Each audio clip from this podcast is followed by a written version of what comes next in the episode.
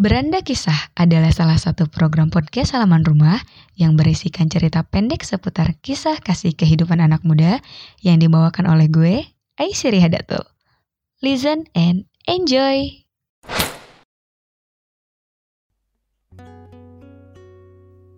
Kala Lili oleh Aziza Azhara Cika suka sekali bunga kala lili. Setiap hari, di dalam vas kaca di kamar kosnya yang sederhana, bunga-bunganya selalu sabar menanti waktu untuk bertemu dengan Cika dan melunturkan seluruh penat dari pundaknya. Namun malam itu, bunga lilinya terlihat sedikit membungkuk, dan di hari selanjutnya, putihnya berubah menguning. Lambat laun menjadi coklat beriringan dengan air dalam vas yang habis.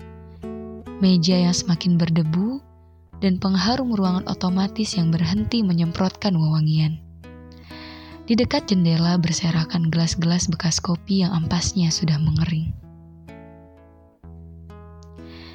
Setiap detik dalam hidupnya kini adalah kegagalan dan kekecewaan. Setiap hari ia memakan makanan sekedarnya untuk membuat fisiknya tetap hidup, agar tetap bisa menjadi makam dari jiwanya yang sudah mati.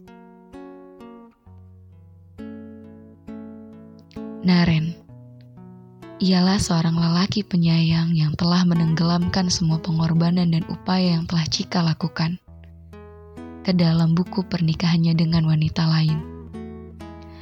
Ia benar-benar lelaki penyayang.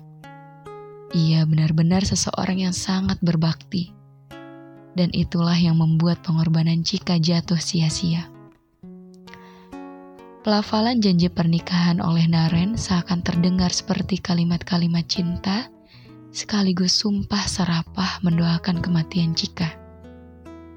Hati keduanya terluka dengan lubang menganga yang berbeda. Cika sebatang kara, dan setelah pernikahan Naren ia menjadi semakin cantik, tegas, bersahaja, dan pemberani. Ia terus berusaha meraih pencapaian, memperbaiki keuangan, meraih beragam prestasi dan penghargaan. Ia benar-benar sibuk membuktikan pada dunia bahwa asal-usul keluarga ada kalanya tidak bisa menjadi penentu utama bagaimana nilai seorang manusia. Tapi jika kosong, hampir melompong, bekerja dari pagi hingga malam hari, meninggalkan pakaian dan piring-piring kotor yang menumpuk, ia juga tak pernah membuang bunga kala lili terakhir dari Naren yang sudah kering itu. Cika makan sehari sekali dan sisanya ia minum kopi. Cika pernah sakit, tapi ia selalu bisa mampu berdiri. Cika tidak tahu apa-apa lagi selain bekerja, belajar, dan berbenah rumah sesekali. Cika berhasil menjadi wanita karir yang banyak uang dan prestasi. Bahkan ia tak perlu lagi memikirkan kapan jadwal kosong untuk mencuci dan bersih-bersih. Ia mampu membayar jasa asisten untuk setiap keperluannya. Beberapa kali ia kirimkan barang mewah untuk seorang janda yang anaknya berhasil menikah dengan wanita pilihannya. Begitupun untuk bayi-bayi yang tak berdosa yang merupakan cucu-cucunya. Semuanya Cika kirimkan tanpa menuliskan nama dan identitasnya. Begitu rahasia. Cika mati di usia 36 tahun. Ketika semua pencapaiannya sudah terkumpul rapi, memenuhi lemari-lemari dokumen di rumah mewahnya. Dengan karangan bunga dari para rekan kerja yang memenuhi halaman rumahnya. Cika pulang dengan dendam dan luka yang telah membawanya menjadi berharta dan bertahta itu. Ia mati tanpa rasa sakit. Ia memang tak pernah lagi merasa sakit setelah penolakan di hari pertunangan Naren yang tiba-tiba. Ia mati dengan diagnosa serangan jantung.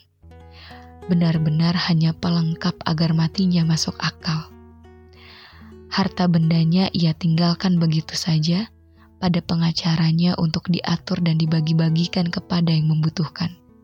Juga kepada janda tua yang telah berjasa menjadikannya ada di titik ini. Janda tua yang sejak awal bertemu dengannya selalu melayangkan tatapan penuh penolakan.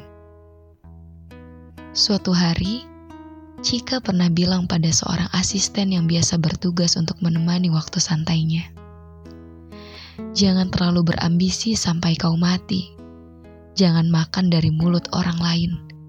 Jangan lupakan dirimu sendiri. Dan ingat, memaafkan itu mudah, tetapi mengobati lukanya itu sulit. Dan satu lagi, jangan mau menjadi seperti aku.